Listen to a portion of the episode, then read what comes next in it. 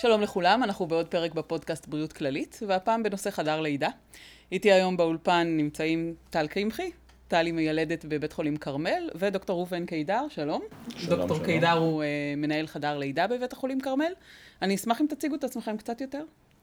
אז אני באמת ראובן קידר, בוגר לימודי רפואה בטכניון בחיפה, התמחות עשיתי בבית החולים כרמל, לאחר מכן אה, תת-התמחות ברפואת אה, אם עובר או הריון בסיכון גבוה בטורונטו, וחזרתי לעבוד במקום שבו הוכשרתי בבית החולים כרמל, היום אני מנהל חדרי הלידה ועוסק בתחום של לידות והריון בסיכון גבוה. טל? אז אני טל קמחי, אני אחות, עבדתי במחלקת אה, פנימית, יולדות, ילודים. היום אני אה, מיילדת בבית חולים כרמל בחדר לידה, ואחות. ומיילדת במחלקת אה, הריון בסיכון. אני יועצת הנקה. זהו נראה לי. וואו. טוב, חדר לידה זה בעצם מכלול גדול, אנחנו יכולים להתחיל מה קורה בבית, מתי מגיעים לחדר לידה, אנ- אנחנו יכולים לעשות פה פרק של אה, שעתיים-שלוש, אבל אנחנו נתמקד בתוך אה, חדר לידה ולא, ופחות מה קורה בבית. אז בעצם אני אתחיל עם השאלה הראשונה שלי, של אה, מה בעצם כולל, כולל הקומפלקס של חדרי לידה בכרמל? אז חדר לידה בכרמל כולל שמונה חדרים, מתוכם חמישה חדרי לידה מאובזרים מכף רגל ועד ראש, כולל מקלחת ושירותים צמודים בכל חדר, כל האמצעים לשיכוך כאב נמצאים בתוך אה, החדר, אמצעים לניטור האם והעובר, כולל עמדת טיפול ראשוני ביילוד. יש לנו עוד שלושה חדרי, אה, חדרי, חדרים קטנים יותר, נקראים חדרי צירים, שמאפשרים גם כן קבלת לידות בתנאים אה, אה, קצת אחרים, בחדר יותר קטן. אנחנו משתמשים בהם בדרך כלל להשעיה ולהשגחה אחרי נשים או עוברים שצריכים השגחה יותר צמודה. נציין שהחדרים כל הזמן בתחלופה מאוד גבוהה. אישה יולדת והחדר מנוקה ועובר חיטוי מלא ולאחר מכן יולדת חדשה נכנסת לתוכו. אה, כל החדרים אה, מנוטרים גם מבחוץ, כלומר אנחנו יודעים מה קורה בחדר בכל רגע נתון מבחינת המצב של האימא והעובר. אה, יש לנו צוות קבוע של רופאים ומיילדות שנמצא שם 24/7 לדאוג לשלום העוברים והאימהות בלידה ולפקח שתהליך זורם באופן הכי טבעי והכי טוב שיכול להיות. טל, יש בעצם חלק מהחדרים הם מאובזרים ללידה טבעית, או שכל החדרים מאורגנים כך? לידה טבעית יכולה להתנהל בכל מקום. כמובן שבכל החדרים, אה, בחמשת החדרים, כמו שדוקטור אה, קידר אה, ציין, יש מקלחת צמודה, אישה יכולה להשתמש בשיכוך אלטרנטיבי, תחת מים, בתנועתיות, בכדור פיזיו, כל דבר אחר שהיא בוחרת להביא. כולם ערוכים ללידה טבעית, ואנחנו רוצים שהיולדת תרגיש בנוח, אוקיי, אנחנו חופשייה, והיא תיצור אווירה אינטימית עם המלווים שהיא בוחרת. תנהל את הלידה לפי רצונה, וכמובן בבריאות טובה. אנחנו בעצם נד... נ- נ- נצלול ללידה טבעית יותר מאוחר, רק היה חשוב לי לדעת מה קורה בקומפלקס. אה, אבל כשיולדת מגיעה אליכם לבית החולים כרמל, מה, מה חשוב לה? בכלל, באופן כללי, שהיא מגיעה לחדר לידה בכל בית חולים שהוא, מה חשוב ליולדת? חשוב לדעת שיש לה צוות שהוא מאיר פנים, לדעת שהיא מרגישה ביטחון באנשים שהיא רואה מולה, שהם אנשים שבאים אה, אה, לקראתה, אה, לדעת שעדיפה היכרות מוקדמת, לכן אנחנו מאוד מעודדים נשים לעשות סיור בבית החולים אה, או בחדר לידה שהן רוצות ללדת בו, שהסביבה תהיה יותר מוכרת, להוריד את רמת החרדה. באופן כללי אני תמיד אומר שחדר לידה לאדם שלא עובד בבית חולים, או בית חולים בכלל, זו סביבה שהיא מאיימת קצת. בדרך כלל אנחנו זוכרים בתי חולים בהקשרים פחות טובים. וכשמדובר בלידה והיריון, מדובר בנשים בריאות שבאות ללדת ילדים בריאים, אבל בבית חולים. עצם הידיעה שיולדים בבית חולים קצת אה, עושה חרדה פנימית לרובנו. ועצם ההיכרות עם אנשי הצוות, עם המקום, לדעת שבאים לקראתך ולא הולכים לעשות איזה שהן התערבויות שלא לצורך, אני חושב יכול להפחית מאוד את רמת החרדה. אז אם יש בית חולים שנשים מכירות חלק מאנשי הצוות, אם זה מקורס הכנה ללידה, אם זה מליווי ההיריון, אני חושב שיש פה יתרון. תמיד נעים לראות פנים מוכרות שבאות לקראתך, שאתה בא לסביבה שהיא אה, אה, זרה. ובכלל, מה חשוב? חשוב שזה יהיה חדר לידה שעובד לפי כללי בטיחות, שיש לו תוצאות טובות מבחינה מיילדותית. אה, בית מה חולים... זה תוצאות טובות? מה תוצאות בעצם טובות. המדדים שלכם? יש לי לא מעט אה, מידדים, אה, שיעור הניתוחים הקיסריים, למרות שעוד פעם אני אומר, זה נורא נורא תלוי אה, בית חולים וגישה, קשה נורא להשוות בין בתי חולים, כי יש הבדל בין בתי חולים גדולים שמנהלים לידות של נשים שיולדות המון, אז שיעור הקיסרים שם יהיה מופחת ביחס להשוואה לבתי חולים שמנהלים לידות ראשונות או שניות, ובאופן טבעי שיעור הקיסרים שם יהיה קצת יותר גבוה. לדעת שזה בית חולים שלא שש אלה התערבויות, אלא אם כן יש צורך אמיתי. אה, לדעת שבסוף הילודים יוצאים אה, בריאים, בריאים ושלמים. עם פחות אה, אשפוזים ביחידת טיפול נמרץ פגים, אלה הם מדדים, חלק מהמדדים האלה היום מפורסמים לכל מי שרוצה, שמשווים בין בתי החולים, אני חושב שאלה הם פרטים שהם חשובים, חשוב לדעת. את חושבת שיש יולדות שמגיעות בעצם עם... רק בגלל שאמרו להם שארוחת הבוקר היא הרבה יותר טובה בבית חולים מסוים וכזה או אחר, או שהמיילדות מחייכות יותר? קודם כל, המיילדות מחייכות זה תמיד טוב. אבל אני חושבת שכן, יש הרבה דברים שמעבר לזה שחשובים לאישה, שהיא תרגיש בנוח. בסך הכל היא באמת באה בתהליך טבעי למקום שהוא הרבה פעמים בהקשר פתולוגי, למרות שהיא באה ללדת. וחשוב שהיא תרגיש מאוד מאוד בנוח, הביטחון שלה. האווירה שנוצרת סביבה, שתיכנס לחדר לידה, שתסתכל סביבה. האם המיטה בגובה הנכון, האם התאורה מתאימה לה, האם היא יכולה לשים מוזיקה, אם יש לה איפה להניח את הציוד שלה, היא מכירה את הצוות שמטפל בה בשם, היא יודעת איך לפנות אליו, היא יודעת אה, מה אמור להיות התהליך הבא, מי אמור להיכנס, מתי יהיה ביקור רופאים, מה היא אמורה ללבוש, דברים שהם כאילו טריוויאליים, ואתה מגיע לשדה שהוא לא הבית הביתי שלך. אז כן, ליצור את האווירה הזאת, להנגיש לה את זה, לעודד אותה לשאול שאלות, לעודד אותה לקחת, אה, קצת לנכס לעצמה את המקום הזה, את החדר לידה הזה לכמה שעות שהוא רק שלה, שלה ושל מלווים שלה כמובן. כן, המלונאות גם חשובה. אנחנו גם לאחר הלידה, בחדר לידה יולדים בחדרים פרטיים, אה, לא תלדנה שתי נשים באותו חדר. אנחנו מאוד מקפידים על הפרטיות של האישה והמלווים שלה בחדר לידה. וגם לאחר מכן, אחרי שהאישה יולדת, היא עוברת למחלקת אה, ילודים, אם יילוד, שם אה, לכל היותר תהיינה שתי נשים באותו חדר, כדי באמת, באמת, באמת להקפיד על הפרטיות והאינטימיות של כל התהליך הזה של לידה וגם אחרי הלידה. אני רוצה להוסיף שזה לא רק בתהליך הלידה עצמו, זאת אומרת גם אחר כך בשלב של האם והילוד ביחד, עם בן הזוג, עם המלווה שלה, המלווה שלה, וכל הנושא של ה bonding עם התינוק, הטיפול בתינוק, גם שם מאוד חשובה האינטימיות הזאת, גם שם חשוב מאוד לראות שנעים לך, שיש שם את התנאים שיאפשרו לך אה, להתאושש ולעשות את ההתקשרות הראשונית הזאת בצורה המיטבית. נגעת בזה קצת אה, בנושא של הקיסרי, אתה יכול קצת אה, לתאר לנו איזה סוגי לידות יש ואולי מה, מה ההתפלגות אה, בין סוגי הלידות? כעיקרון באופן כללי במדינת ישראל רוב הלידות תהיינה לידות נרתיקיות. כ-80% מהלידות הן לידות נרתיקיות, שיעור הניתוחים הקיסריים בארץ הוא סביב 19-20%, כך גם אצלנו בבית חולים כרמל. כשיש הבדל בין אה, ניתוח קיסרי מתוכנן לניתוח אה, קיסרי חירום? כן, באמת יש הבדל. צריך לזכור דבר אחד, שאישה שמתחילה תהליך לידה הכי טבעי והכי רגיל, עלולה להגיע לניתוח קיסרי מכל מיני סיבות. שקשורות בעובר, שקשורות באימא, כמו חוסר התקדמות בלידה יכול להוביל אישה, גם בלידה ראשונה, גם בלידה שלישית, לניתוח קיסרי.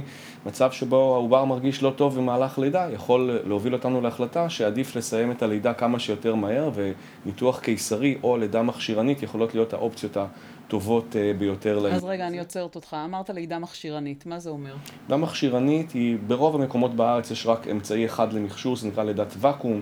איזשהו אמצעי שאנחנו, כף פלסטיק שאנחנו מחברים לראש של העובר ועוזרים אה, לתינוק לצאת על ידי משיכה קלה בכיוון שהיה אמור לצאת לתוכו, האישה דוחפת מצד אחד, אנחנו מושכים מצד שני, התערבות ששמורה באמת למצבים חריגים בחדר לידה. שוב, שיעור הלידות האלה הם בערך 4-5 אחוז אצלנו, שאנחנו חושבים שצריך לסיים את הלידה עכשיו לטובת האימא או הילוד או שניהם יחד, אה, ואיפה שזה לא נחוץ לא עושים, נותנים ללידה לזרום באופן טבעי.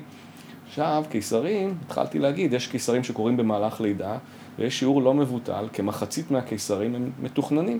האישה מראש מיועדת ללדת בניתוח קיסרי בגלל מצבים שקשורים באימא או בילוד.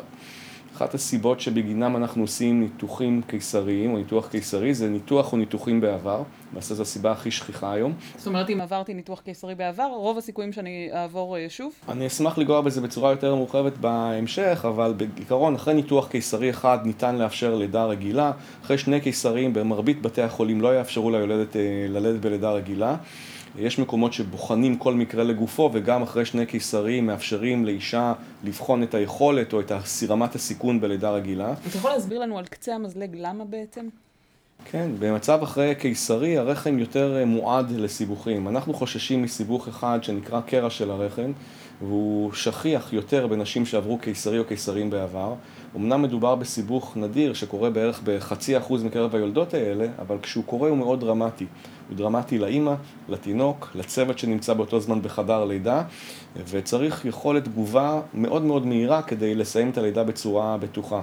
הסיבוך הזה, השכיחות שלו עולה אם היו יותר ניתוחים אה, אה, לאותה אישה על הרחם, ולכן אנחנו בוחנים את זה. בוחנים גם תמיד מה הסיבות שהובילו לקיסרי, ויש סיבות שנוטות יותר לחזור על עצמם, לכן לעיתים אחרי קיסרי אחד אנחנו נגיד לאישה שאולי עדיף לבחור בקיסרי חוזר, ויש סיבות שהן סיבות חולפות. למשל, אם הלידה הראשונה הסתיימה בניתוח קיסרי בגלל שהעובר הרגיש לא טוב, או שהוא היה במצג עכוז, ובפעם הבאה הוא מרגיש מצוין והוא לא עכוז, אז האישה תוכל בסיכוי מאוד מאוד גבוה להצליח בלידה רגילה. אנחנו מאוד נעודד אותה לעשות את זה, אה, מתוך אמונה שבמרבית המקרים לידה נרתיקית זה הדבר הכי טוב שיכול להיות uh, לאישה. והכי כואב. הכי כואב, אבל ניתוח קיסרי כואב יותר אחר כך. צריך להחלים ולחזור לשגרה, כשיש ילדים, ילד או ילדים קטנים בבית, חזירה לתפקוד מלא ולשגרה הרבה יותר קשה אחרי ניתוח קיסרי. אז בואו נדבר כבר על כואב. אה, כולם מדברים על אפידורל, יש עוד כל מיני משק חייך כאבים. מה קורה בחדר לידה? אה, יש כל מיני אמצעים לשיכוך כאב, יש את האמצעים התרופתיים כמובן, שזה בין אם זה זריקת טשטוש ואפידורל שנעשה על ידי מרדים אה, אה, מומחה, מקצועי, ובין אם זה גז צחוק שאנחנו נותנים לאישה באופן שוטף בשלבים שונים של תהליך הלידה. צריך מאוד להתאים את זה. זה לבחירת היולדת או הצוות הרפואי? אני חושבת שזה שילוב, גם מה שמתאים בשלב הנוכחי וגם מה שהאישה רוצה ומה שהיא מותר לה והיא יכולה לקבל, מה איך שהתינוק שלה מרגיש, חלק מהדברים למשל זריקת טשטוש עוברת לתינוק, וזה גם תלוי בו ובמצב שלו באותו שלב. אה, ואת מדברת איתי על זה, זה בעצם במהלך הצירים, או שכבר בתוך הלידה הפעילה? קודם כל מדברים על זה עוד בשלב הכנה ללידה. בדרך כלל רוב הנשים נחשפות לזה כבר שם. אה, יש לא לדבר שלא הזכרתי, שיש את כל הדברים הטבעיים, זאת אומרת תנועתיות, שינוי תנוחות, אה, מים כמובן, רפואה אלטרנטיבית, ישיבה על כדור, כל דבר אחר שיכול... אה, מה זאת אומרת מים? יש לכם אה, בכרמל בתוך חדר הלידה איזושהי יש מקלחות, בוודאי, בתוך החדר בתוך החדר יש מקלחת, נעימה, עם זרם מים חמים, אפשר לשבת על כדור בתוך המקלחת או על כיסא, אפשר לשבת עם מוניטור, אלחוט, מוניטור אלחוטי במקלחת, שככה אנחנו גם מנטרים אותך ואת העובר, וגם את אה, יכולה להתמודד עם הצירים. באמת חשוב לראות מה עושה טוב לאישה. אה, ומה עוזר לה להתמודד, היא יכולה גם להביא מהבית, אה, יש היום מכשיר שנקרא טנס. שעושה אה, מה? שמביאים אימפולסים חשמליים כאלה שאמורים לעזור, ועוד פעם, זה באמת, יש נשים ש, שזה עוזר להם, ואפשר גם להחליף, להתחיל עם משהו מסוים, וככל שהלידה מתקדמת, אנחנו שומעים על ראש פתוח, לראות מה, מה הדבר הבא שנכון לנו. ואולי, כמו בכל, בכלל בלידה חשוב לשמור על ראש פתוח, ולא לבוא נעולים, ולראות מה מתאים לכל שלב. כי, כי לידה זה אירוע קיצון, אנחנו לא באמת יכולים להיערך אליו. אנחנו לא עושות את זה ביום-יום. אה, אנחנו עוד נדבר על אלו שבאות עם תוכנית לידה והן כן, מגישות לצוות. אז גם עם הכאב, לפעמים אנשים חושבות שיש להם איזשהו סף כאב, והן יכולות והן מתמודדות, וזה תופס אותן לא מוכנות. והפער הזה בין מה שציפיתי מעצמי, עם ההתמודדות, ומה שאני מרגישה כרגע, לפעמים מושיב אותך באיזשהו קונפליקט מסוים. אז אה, לבוא פתוח, לשמוע מה יש להציע, ולבחור את מה שהכי נכון לך. בוא נדבר רגע על האפידורל. בעצם יש הרבה נשים שבסטרס שהן צריכות להחליט על זה מראש, כי צריך להזמין מרדים, אה, וזה לא משהו ש, שמיילדת יכולה לתת מעכשיו לעכשיו. דברו איתי קצת על זה. אז קודם כל, אפידורל זה האמצעי לשיכוך כאבים הכי פוטנטי והכי יעיל שיש לנו בחדרי לידה. סתם נתונים מעניינים, סטטיסטיקה. אה, בכרמל, אני חושב שזה דומה מאוד בהרבה מאוד מחדרי הלידה. בלידה ראשונה, כמעט 80% מהנשים בוחרות להשתמש באפידורל, בלידות חוזרות זה מגיע למשהו כמו 50-60%. הרבה פעמים לא בגלל שהן לא רוצות בלידה חוזרת, כי הן לא מספיקות לקבל את האפידורל. הן מתקדמות כל כך מהר בלידה, שאין זמן לעשות את האפידורל. מה זה אומר זמן? אה, זמן עד ללידה. כלומר, אם אה, לצורך העניין הלידה בשלב שהיא עומדת להסתיים בעוד עשר דקות או רבע שעה, האישה לא תספיק לענות מאפידורל, וזו התערבות שתהיה מיותרת. כלומר, יש, יש לאפידורל זמן השפעה מהרגע שהוא נכנס לגוף ועד... אה, ברגע שקוראים למרדים, עד שהמרדים מבצע את האפידורל, עד שהאפידורל מגיע לאפקט המרבי שלו, עובר זמן. ואם הזמן הזה הוא זמן שבו האישה כבר תלד, אנחנו מנסים להסביר. שזה לא יהיה אפקטיבי וזו התערבות שתהיה מיותרת, שהאישה לא תצליח לענות ממנה. עם כל זאת, אנחנו יכולים לעשות אפידורל בכל שלב של הלידה. עכשיו, יש מרדים זמין, כמעט כל חדרי הלידה בארץ, יש מרדים שייעודי לחדר הלידה 24-7. מרדים אחד או שניים, תלוי בהיקף אה, חדר הלידה ובגודל שלו, אה, קוראים למרדים. עכשיו, בדרך כלל המרדים זמין, אלא אם כן הוא נמצא כרגע באפידורל בחדר הסמוך, או שהוא נמצא באמצע ניתוח קיסרי, ואז הוא יהיה פחות זמין והאפידורל יכול להתעכב טיפה.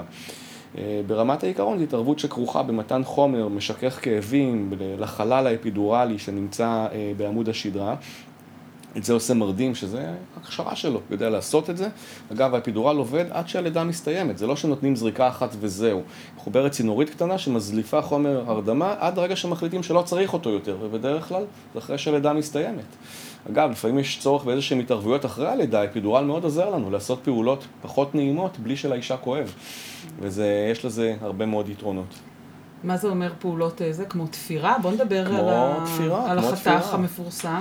החתך המפורסם אה, הוא לא נעשה באופן רוטיני. קודם כל, לפעמים... פעם זה היה רוטיני? פעם זה היה יותר מקובל בלידה ראשונה להוציא לכולם מזכרת קטנה מהלידה בצורת חתך בחיץ הנקבים, היום זה ממש לא רוטיני. נתון לשיקול דעתה של המיילדת או הרופא בחדר לידה, בהתאם להתרשמות שלהם, כמה האגן גמיש, האם יש פוטנציאל לקרע לא מבוקר, או האם יש צורך להאיץ את השלב האחרון. ולמעשה, אחד היתרונות של החתך הזה, שהוא יכול להאיץ את השלב האחרון של הלידה ולקצר אותו. כלומר, הוא, אם העובר נמצא באיזשהו סוג של, נקרא לזה מצוקה, אנחנו לא אוהבים את המילה הזאת, וצריך להאיץ את הלידה, לפעמים החתך חוזר. אחת הסיבות המיתולוגיות שבגינם עשינו את החתך הזה, זה למנוע קרעים לא מבוקרים לכיוון הסוגר של פי הטבעת. היום אנחנו יודעים שזה לא תמיד עובד כך, אבל לעיתים אנחנו מתרשמים שאם לא נעשה חתך יזום, אז יהיו קרעים לא מבוקרים, ואנחנו מעדיפים חתך שלנו מבוקר, עם שוליים ברורים שנוכל לתקן אחר כך, מאשר חתך שהוא לא מבוקר. אבל בוודאי לא עושים באופן רוטיני. אני יכול להגיד שבכל חדרי הלידה בארץ, אם מסתכלים על מהלך של 20 השנים האחרונות, שיעור החתכים היזומים באזור של הנרתיק ירד באופן מאוד מאוד משמעותי. אה, יש מחיר, יש יותר קרעים פחות מבוקרים, לא כולם רעים לתיקון, רוב הקרעים האלה הם קרעים שמתקנים בצורה פשוטה ולא מותירים שום כאב או נזק שארי לאחר מכן, אבל בוודאי לא נעשה באופן רוטיני. את עושה פיזית את הקרעים? גם? אה, כן, אכן כן. אה, לפעמים אה, זה אכן תפקידה של המיילדת לעשות את לא החתך קרעים, היזום. סליחה, חתכים. את הקרעים אני לא, אבל את החתך היזום כן, וזה באמת נתון לשיקול מקצועי. וזה חשוב גם להגיד את זה ליולדת. יכול להיות, יכול להיות מצב שבו אני אאלץ לעשות חתך יזום, מה האינדיקציה, אני באופן אישי נותנת, אומרת להם, שבמידה ונצטרך לסייע לך לא- שהתינוק ייוולד יותר מהר, או במידה ויהיה סכנה לקרע מתקדם, אני אבצע חתך. האם תרצי שאני אגיד לך לפני? יש, יש מאוד. כאלה שלא רוצות אה, כן, יש להם? כאלה שלא רוצות, ואני חושבת שזה, אמ, שאפשר לדבר על זה רגע. אפשר להניח את זה רגע על השולחן, להגיד זה משהו שיכול לקרות, בואו נראה איך נערכים לזה, מה יכול להוריד את רמת הח- החשש ורמת הפחד מהדבר הזה, וגם אה, להגיד שההחלמה היא החלמה טובה מאוד. אנחנו מסבירים אחרי זה שמה, איזה תפר אנחנו שמים, ושזה נמס, ואיך מטפלים בזה, ואיך שוטפים את זה. אמ, תופרים את זה בעצם אחרי הלידה? כן. מי, מי תופר? הרופאים תופרים, אוקיי. הרופאים תופרים, היא אבל עושה לא את החתך, אתה זה זה שתופר. יחסי עבודה זה- בינינו, יש בינינו באמת. הדדיות מלאה, הן חותכות, אנחנו תופרים, למרות שיש יותר ויותר חדרי לידה היום שמאפשרים גם לחלק מהמילדות לתפור את חלק מהקרעים, הקרעים היותר אה, פשוטים, היותר קלים, גם מילדות יכולות לתפור, זה לא הסטנדרט בחלק מחדרי הלידה, אבל לאט לאט אין סיבה שבעולם, זה בסך הכל מיומנות מאוד אה, טכנית לעשות אה, תפירות. אבל בכרמל הסטנדרט הוא שהרופאים תופרים, בינתיים. אוקיי, בינתיים. אה, את עושה את זה באמצע ציר אגב, או, ב- או זאת אומרת, אה, מה, מה, מה קורה ליולדת באותו רגע? וואו, אה, כן, הם מנסים לעשות את זה באמצע ציר, כאשר הפרינאום ממש ממש מתוח, ואם אם יש לה אפידורל, היא לא תרגיש את זה? לרוב. אה, ואם אין אפידורל, אז נערכים מראש עם הרדמה אה, מקומית. מקומית, כדי שזה באמת אה, יעש- ייעשה בצורה הכי פחות אה, כואבת וטראומטית. אה. הקול המרגיע של טל ככה מכניס אותנו לזה שזה לא כזה כואב, אז... אה, זה, זה לא נעים, אבל כשזה הכרחי, עושים את זה, כמו שאמרת, כבר לא כרוטינה, וכשצריך לעשות, אז, אז עושים. אז עושים חתך ושזה יהיה במקום. בואו נדבר קצת על הצד של הנשים. הן מגיעות, אה, אני קוראת הרבה בפייסבוק על נשים שמגיעות לחדר לידה עם תוכנית לידה. בעצם מדפיסות את הכל על דף, מוסרות את זה למיילדת, מוסרות לרופא, מי שנמצא במשמרת, ויש להם איזושהי פנטזיה בראש. מה בין מה שכתוב בדף לבין מה שקורה בפועל בדרך כלל? אז אני אגיד, קודם כל זה נושא שקיים מאוד בשנים האחרונות, וזה בסדר לתכנן, זה בסדר לפנטז על תהליך הלידה, ואני יכול להגיד באופן כללי שאירוע של לידה זה אירוע שלא ניתן לשלוט בכל הפרמטרים בו. אנחנו לא יודעים מתי זה מתחיל, איך זה מתחיל, איך העובר ירגיש במהלך הלידה, איך הוא יתקדם בתעלת הלידה. אה, אלה אירועים, אירועים שלא ניתנים לצפות אותם מראש. אני חייב להגיד שבמרבית המקרים הכל טוב, הכל יתקדם בסדר, ורוב התינוקות מרגישים מצוין בתהליך הלידה, חלקם לא. לכן אי אפשר להיערך לכל התרחישים האלה, ובעצם מה שאנחנו עושים בחדר לידה, הרופאים והמיילדות, אם משהו משתבש, אנחנו מגיבים לו. לכן הרבה מאוד תוכניות לידה אה, צריכות להתחשב גם במכלול הדברים. דיברנו על קרעים קודם, יש תוכניות לידה שאומרות, אל תעשו לי חתך בשום אופן. אנחנו לא עושים חתך אם לא צריך, אבל אם צריך, לפעמים זה הדרך הכי טובה לסיים את הלידה בצורה בטוחה. לכן תוכניות לידה שהן מפורטות מדי, לפרטי פרטים, הרבה פעמים נידונות לכישלון. כלומר, אנחנו לא נוכל לעמוד בכל הסטנדרטים האלה. אם הכל זורם בסדר, בוודאי שזה יהיה ככה.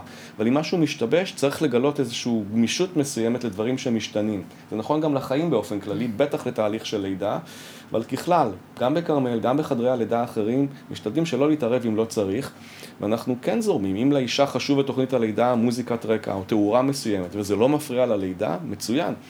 אם האישה מבקשת שלא ננטר את העובר כל הזמן, ברוב הלידות זה מה שקורה. אם הלידה היא מה שנקרא לידה בסיכון נמוך, ניתן לאפשר ניטור לסירוגין.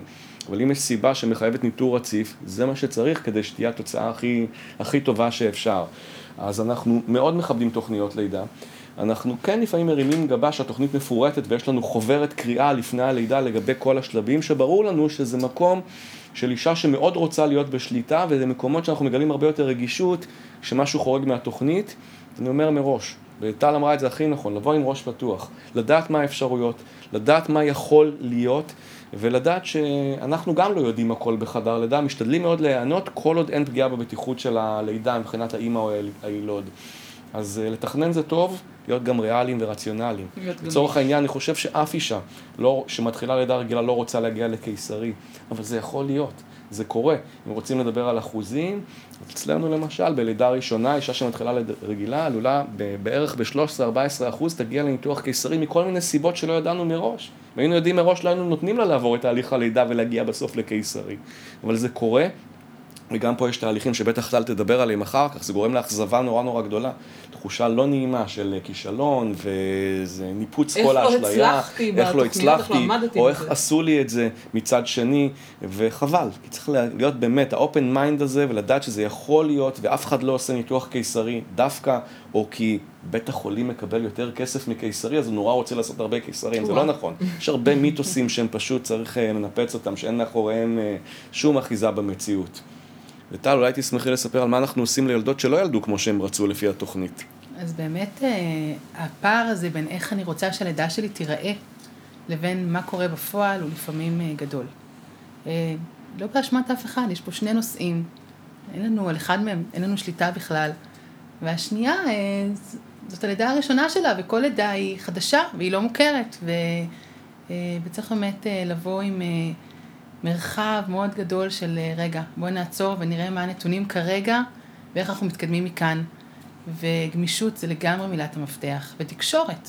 בואי בוא נראה מה קורה, מה את רוצה, מה אני יכולה לתת לך, מה אנחנו יכולים לספק לך, מה מתוך האפשרויות שיש כרגע מתאים לך, מתאים לתינוק שלך, מתאים לבן זוג שלך לפעמים. אמ, ולפעמים הפער הוא גדול, ואנחנו כצוות אה, מזהים נשים ש... שאנחנו לא יכולים אה, להשאיר אותה עם החוויה הזאת לבד. אז אה, יש לנו את האפשרות לדבר על זה, לבוא אחר כך, אחרי הלידה. לפעמים לידות שנגמרות בדרמות גדולות, אה, שבאמת פתאום נכנסים לחדר המון המון אנשי צוות, לא רק אה, קיסרי, אלא באמת לידות ש... אפילו האישה עצמה לא חשבה שככה זה יכול לראות, וזה קורה, לידה זה מקום, אה, דבר מפתיע לפעמים. ואז יש מערך תמיכה. ואז יש מערך חולים? תמיכה, ויש מיילדת ורופא, שהולכים ומדברים על האישה, עם האישה, עם בן הזוג שלה, מסבירים לה מה קרה, לפעמים בדיעבד, כי ברגע האקוטי זה לא תמיד מתאים. אה, שומעים ממנה מה היא חוותה, מה היא מרגישה, עם מה היא הולכת הביתה. מנסים אה, להראות לה את הדברים הטובים שקרו, את הכוחות שלה, את העוצמות שלה, איפה היא הייתה, איפה היא הייתה בתהליך הזה, איפה היא הייתה משמעותית, זאת הלידה שלה. ואם צריך, אז מפנים אותה הלאה, לקהילה, למעגל תמיכה, להמשך שיחות, כדי ש... ואפילו, את יודעת מה, לפני הלידה הבאה, שתבוא שוב פעם, שתיפגש עם הצוות, שתיפגש עם מיילדת, שתיפגש עם הרופא, שתגיד, בלידה הקודמת קרה לי ככה וככה. מה, עם איזה מטען, עם איזה רגשות אני מגיעה ללידה הבאה שלי. אה, ואני חושבת שזה מאוד מאוד חשוב. זה משפיע לא רק על החוויה עצמה, אלא באמת עוד פעם על איך אני הולכת עם זה הביתה. איך אני מטפלת בתינוק הזה שיש לי עכשיו בידיים. אה, אז קודם כל, אני שמחה לשמוע שיש uh, מערך תמיכה בבית החולים, uh, כי בקהילה בטח ובטח במרכזים לבריאות האישה, וגם היה לנו פה פרק על דיכאון אחרי לידה, ובכלל דיברנו על זה שבמרכזים לבריאות האישה בדרך כלל יש גם עובדות סוציאליות. אני רוצה לחזור לתוכנית הלידה. יש כאלו שמגיעות עם, בליווי דולה? כן, הדולות בעצם קצת נכנסו למקום שלצערי אנחנו המילדות קצת איבדנו. אה, לא תמיד מיילדת יכולה ללוות את האישה לאורך כל התהליך, בשלב הלטנטי ועד השלב הפעיל. רגע, אמרת מילה ותסבירי אותה. מה זה השלב הזה? אנחנו מחלקים את הלידה לכמה, לכמה שלבים. אה, בעצם בשלב הראשון של הלידה יש את השלב, השלב שהוא הרבה פעמים ארוך וסיזיפי וכואב, אבל ההתקדמות של הלידה היא איטית יחסית. לעומת השלב הפעיל, שבה ההתקדמות של הפתיחה, התקדמות הלידה עצמה, היא הרבה יותר מהירה. אנחנו בדרך כלל יודעים את זה רק בדיעבד, פעם היו לזה חלוקה מאוד ברורה, מפתיחה שש, היום אנחנו קצת מסתכלים על זה בדיעבד, יודעים, אה רגע, היא כבר נכנסה לשלב של הלידה. אבל השלב ההתחלתי הוא הרבה פעמים אה, ארוך ומייגע וכואב וקצת אה, מעלה חוסר ודאות, רגע, כמה זמן זה ייקח ולמה זה לא מתקדם. אה, ושם המיילדת לא תמיד יכולה להיות. פעם היא הייתה. היום בחדר לידה אנחנו לא תמיד שם, כי יש לנו עוד חדרים, כי יש לנו עוד משימות, כי אנחנו לא אחת על אחת. אה, והדולות אה, נכנסו לנישה הזו. נותנות את התמיכה, את ההדרכה הרבה פעמים, את ההקשבה, את המגע. אה, אז כן, הם חלק, חלק מהצוות, חלק מהצוות, רצויות נכון. בצוות. שוב, אבל חשוב שגם כל אחד יבין מה התפקיד שלו ומה הכלים שעומדים לרשותו ומה האחריות שבה, שעליה הוא... היא נשארת גם במהלך הלידה הפעילה? אבל היא לא יכולה לבוא ולהגיד לך, אה, תשמע, אני חושבת, היא יכולה, שאלה מה... יכולה לנסות. כן, היא יכולה לנסות. אנחנו מאוד מכבדים את הדולות, אנחנו יודעים גם מה בסיס הידע שהן באות איתו והניסיון, ואני חושב שאם יש אה, מישהו, דמות, זה לא משנה אם זה דולה, הבעל, החמות, שהאישה, היולדת מרגישה איתה בנוח, זה בסדר גמור. אה, אנחנו מאפשרים לדולות להיות בחדר, אני חושב שאנחנו פתחנו את שערינו, אנחנו היינו הראשונים שפתחנו את שערינו לדולות וקיבלנו אותם בברכה, לפחות באזור של הצפון. לרגע לא הרגשתם מאוימים. אני חושב שלא בהתחלה, כמובן שהיו מתחים, כי כל, יש לנו ענייני אגו בכל זאת, אנחנו אנשי מקצוע, אבל אה, לא, מהר מאוד הבנו שברגע שכל אחד יודע את מקומו בתוך המערכת, אז אה, יש יחסים מצוינים עם מרבית הדולות, כל אחד יודע את מקומה, ובאמת, אם אני חושב, היינו יכולים לאפשר יולדת, מיילדת לכל יולדת, אולי לא היה צריך דולות, אבל אין את זה, לצערנו. ובאמת, הרציפות של הטיפול שהדולה יכולה לתת, או התמיכה הרגשית ברגעים הקשים, חיים, אה, זה דבר מבורך, אה, לנו אין אה, שום בעיה איתו וזה זה עובד מאוד מאוד יפה בשנים האחרונות. דיברת על אמי שהיולדת מרגישה נוח, אפשר חמות, אפשר אימא. אני הרבה פעמים נתקלתי במיילדות שבעצם באו בשקט ליולדת ואמרו לה, אימא שלך מלחיצה אותך? אני יכולה תמיד להגיד שאנחנו צריכים את החדר הזה. אנחנו שומרות הסף של היולדת. ולא פעם קרה שאני אמרתי ליולדת, אני, בואי, תני לי להיות הבן אדם הרע בחדר, זה בסדר, כן. אה, ולפעמים באמת הן נמצאות, אה, יש איזשהו, פעם לידות היו מלוות בהמון אה, קהילה מסביב, קהילת נשים, מעגל נשים, היו מסמנים את הבית שבו אישה יולדת כדי שנשים יבואו לעזור לה ולעטוף אותה. היום אנחנו קצת פחות קהילתיים, ולפעמים כל, לא כל מי שנכנס לחדר לידה אכן מתאים לאישה ומתאים לזוג ברגע המאוד מאוד הייחודי הזה. ואת מזהה את זה ובעצם... אה, אה, אני מקווה, אני מקווה שאני מצליחה לזהות את זה. אה, בכל מקרה, אני שואלת הרבה פעמים, אני לא מניחה הנחות, אני שואלת אותה. זה נעים לך? זה טוב לך? ואם לא, אז... אנחנו מאוד מנסים, חשוב שהיולדת תהיה בלי תחושת הלא נעים, לא נעים להגיד לאימא או לאימא של הבעל שנורא רוצה להיות בלידה של הנכד הראשון, אבל זה לא מתאים. כדי להיות בחדר לידה אני חושב שהאישה צריכה שיהיו לה קשרים כמעט אינטימיים עם מי שנמצא שם, זה רגע נורא אינטימי, זה רגע נורא פרטי, זה רגע שההגנות שלך קצת יורדות, ולא נוח לחשוף את עצמך במצב הזה לאנשים שאתה לא מרגיש מספיק קרוב אליהם. באמת, אני חושב שהחושים של המילדות הם כאלה ערים שהם מנסים להבין את הרגישויות המיוחדות ולהגיד גם לאימא או לחמות, זה לא מתאים כרגע שתיכנסי, למרות שליולדת עצמה לפעמים לא נעים, אבל היא תגיד את זה למיילדת ולא לאימא, כי מישהו צריך לעשות בייביסיטר אחרי כן. הלידה.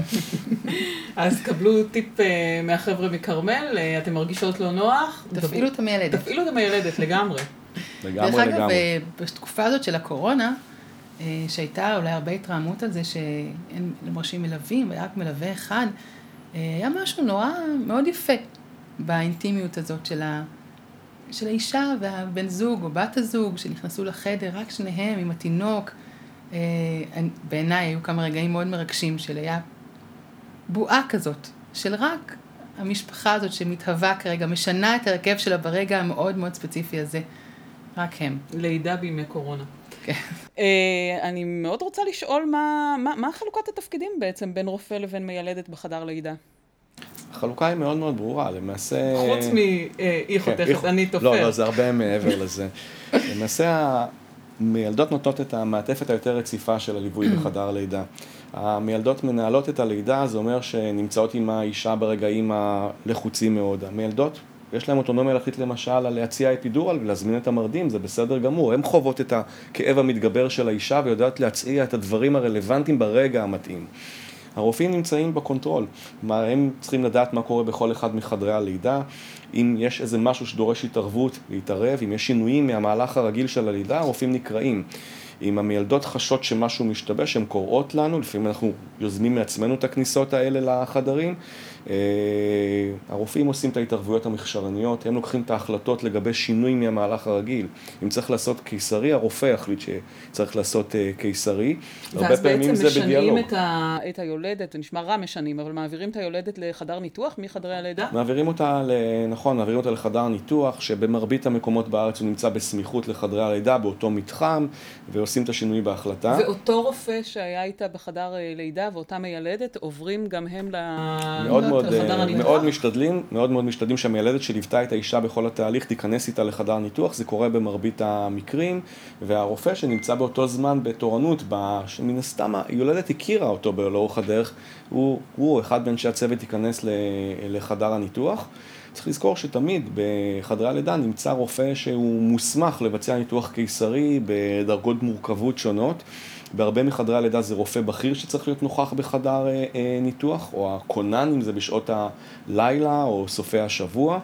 אה, מה שנותן מעטפת ביטחון לכולם, גם לרופאים התורנים, גם ליולדת, גם למיילדות, שיודעות שיש תמיד מישהו שהוא קצת יותר בכיר שנמצא ברקע ונותן את הביטחון שצריך לניהול שוטף של התהליך ובטוח. המלווה של אותה יולדת, אה, ברגע שמדובר בקיסרי חירום, יכול לעבור איתה אה, לחדר ניתוח? אז אני לא יודע להגיד מה קורה במקומות אחרים, אני יכול להגיד זה נורא נורא תלוי ברמת הדחיפות. ואגב, המילה ניתוח חירום אה, שמור למצבים מאוד מאוד ספציפיים.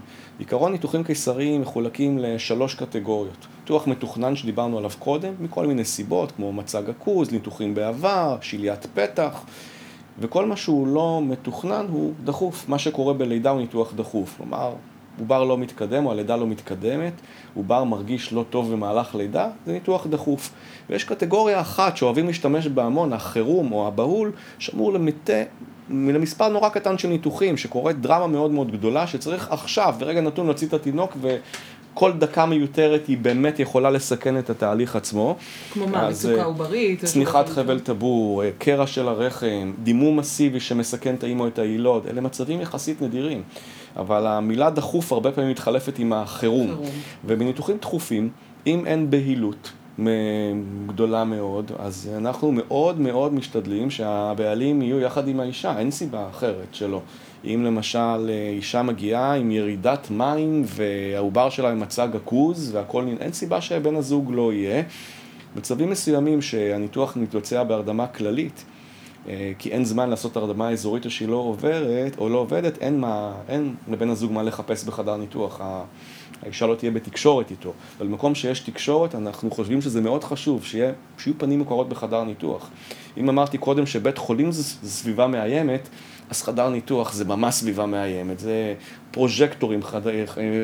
שמאירים אותך כל הזמן, אתה מתערטל בפני, ב... ב... בפני. הרבה אנשי צוות. משתדלים מאוד להקפיד שהדבר הזה יהיה באמת לפרקי זמן קצובים ורק כשצריך, אבל זו סביבה נורא נורא מלחיצה, ואם בן הזוג נמצא עם האישה ואוחז לו את היד, כל הניתוח נראה אחרת. רמת החרדה יורדת ואנחנו מאוד משתדלים. מה קורה לגבי תפקיד המיילדת בחדר הלידה? או, אז באמת מילדות מוזכרות מאז ומתמיד. וכל נושא הפריון, ההיריון, הלידה, ההנקה, מופיע בכל התרבות העתיקה, בתנ"ך, והמיילדות שם לאורך כל הרצף, בפסלים, בתמונות, בפפירוסים, בסיפורים. והייחוד הוא שבאמת מיילדות תמיד נתפסו כנשים החכמות, הוותיקות, בעלות הניסיון, שתמכו באישה לאורך כל הש... השנים האלה של הפריון, לא רק ב... בלידה עצמה, לא רק בחוויה המאוד מאוד מרגשת ואדירה של הלידה עצמה, אבל לאורך כל הרצף הזה של תהליך ההיריון, הליווי הרגשי, הידע המקצועי, הלידה, וגם אחרי הלידה, שזה מאוד מאוד חשוב. ההחלמה של האישה, הקשר שלה עם התינוק, ההנקה הנכונה שבהרבה מאוד מקומות, גם אז וגם היום, עם תינוק שלא יונק טוב, הוא לא שורד. את מדריכת הנקה, אז אחרי בעצם שאת מסיימת אה, משמרת או לידה מסוימת בחדר לידה, את יכולה לעבור למחלקת יולדות ולתת אה, הדרכה ליולדות? אני אעשה את זה הרבה קודם, אני יולדת את האישה להניק, לחבר את התינוק לשד, להניח אותו עליה כבר בחדר לידה. כבר בחדר לידה. שהיא, בוודאי, בזמן שהיא מחכה לתפירה, בזמן שהיא אה, נמצאת בהשעיה, בהשגחה. אה, זה חלק אינטג... אינטגרלי בעיניי, אבל כמובן לפי רצון היולדת והמקום שממנו היא מגיעה. אבל אם יש רצון, אני לחלוטין אה, נחשב בעיניי כחלק מהאחריות שלי. אה, אני חושבת שאצלנו בשנים האחרונות או בעשורים האחרונים זה קצת התפספס. כי איכשהו המיילדת באמת נדחקה או נשארה רק יותר נשאבה לחדר לידה, לידה, כשבעצם התפקיד הוא הרבה הרבה יותר רחב, ואני, יש איזשהו פילוסוף יווני אה, סורנוס קוראים לו, שעוד בימי קדם הגדיר את המיילדת. זה נורא מעניין היה לקרוא שהוא הגדיר אותה כאישה חכמה, אה, אה, ללא נכות פיזית, עם אצבעות ארוכות, ציפורניים קצרות ומזג נעים. אז, אה, אז כן. זה אז... יכול להיות תיאור תפקיד אה, לאנשי משאבי אנוש כשהם מחפשים אה, מיילדות. כן, יש בזה משהו, אני חושבת משהו בזיהוי הזה שהאישה שם, שהמיילדת שם למען האישה והילוד. ותפקיד שלה זה ללוות אותה ולשמור עליה ולתמוך בה לאורך כל הרצף הזה. ואם יורשה לי לציין, בכרמל באמת קורה משהו מאוד אה, ייחודי, שיש מיילדות בכל, ה, בכל האגף הזה. זאת אומרת, אני כמיילדת עובדת במחלקת הריון בסיכון. ומלווה נשים שהוא במהלך ההיריון, ורואה אותן מטפלת בהן. נשים שהן בתחילת, כמו שאמרתי לך, בשלב הלטנטי, שהן עדיין לא נכנסות לחדר לידה. יש לנו מילד, מילדות שנמצאות במחלקת אה, אם ילוד, לראות את היולדות לאחר הלידה. אז נכון, זה לא אותו הדמות, אה, כי זה לא אפשרי בקונסטלציה הזאת, למרות שהיום גם בקהילה כבר מתחילות אה, מילדות לעשות איזשהו אה, רצף טיפולי. אבל, אה, אבל זה המהות של התפקיד שלנו בעיניי, שהוא שונה מאוד מהמקום של הרופאים שנכנסו באמת במקום הפתולוגי. אז השילוב הזה הוא מדהים. אנחנו מתקרבים לקראת אה, סיום הפרק, ומאוד חשוב לי לשמוע משניכם מה, מה המסר שלכם בעצם למי שמאזינה לנו, למי שצופה בנו. אני חושב שמרבית ההריונות הסתיימו בלידה של ילדים בריאים. מרבית הלידות הסתיימה בלידה רגילה ובטוחה. אנחנו שם בחדרי הלידה כדי להבטיח שהתהליך הזה יזרום ויתקדם בצורה טובה, ואם משהו מתקדם פחות טוב, אנחנו נדאג שהתוצאה תהיה מיטבית. אנחנו שם בשביל האימא והיל... והילוד, והמוטו שלנו בחדר לידה זה אימא בריאה וילוד בריא. לפעמים נדרשות התערבויות כדי להשיג את המטרה הזאת, אנחנו משתדלים לצמצם את ההתערבויות למקומות שבהם זה נחוץ כדי להשיג את המטרה הזאת. אז תבואו בשמחה. עם תוכניות לידה ריאליות, אנחנו שם בשבילכם. תודה. טל? אה, כן, תבואו בשמחה, תבואו עם אה, תמיכה, תבואו למקום שמשרה לכם תחושה של ביטחון ונעים לכם להיות בו.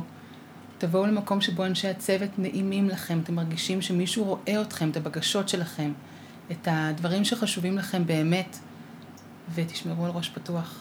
זאת חוויה, זאת הרפתקה אדירה.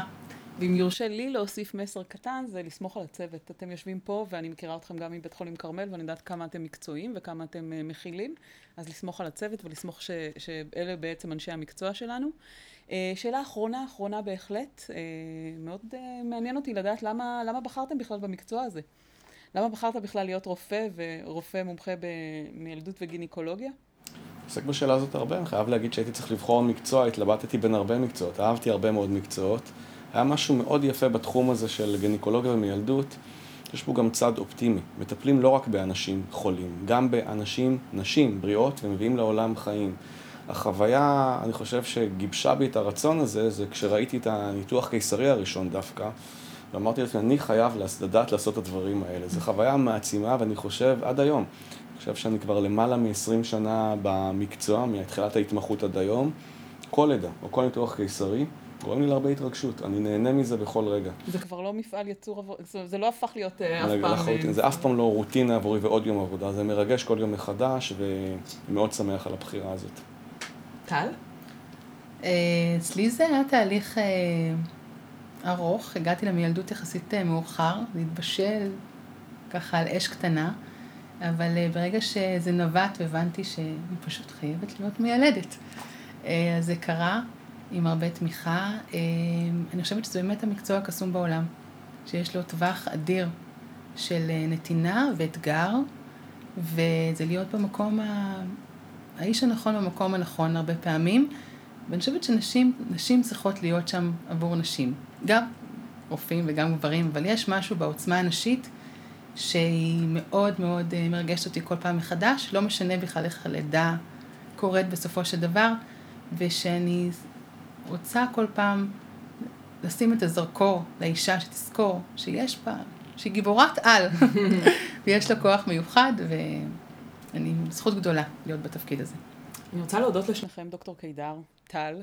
אה, לי באופן אישי היה מאוד אה, מלמד ומעשיר. אה, אני מזכירה למי שצופה בנו, מאזין לנו, שבעצם את הפודקאסט אפשר למצוא בכל אפליקציית הפודקאסטים ובספוטיפיי, וזו פעם ראשונה שאנחנו עושים ניסיון לצלם, אז מן הסתם זה גם יהיה ביוטיוב. תודה רבה לשניכם. תודה רבה לך. תודה על ההזמנה. תודה.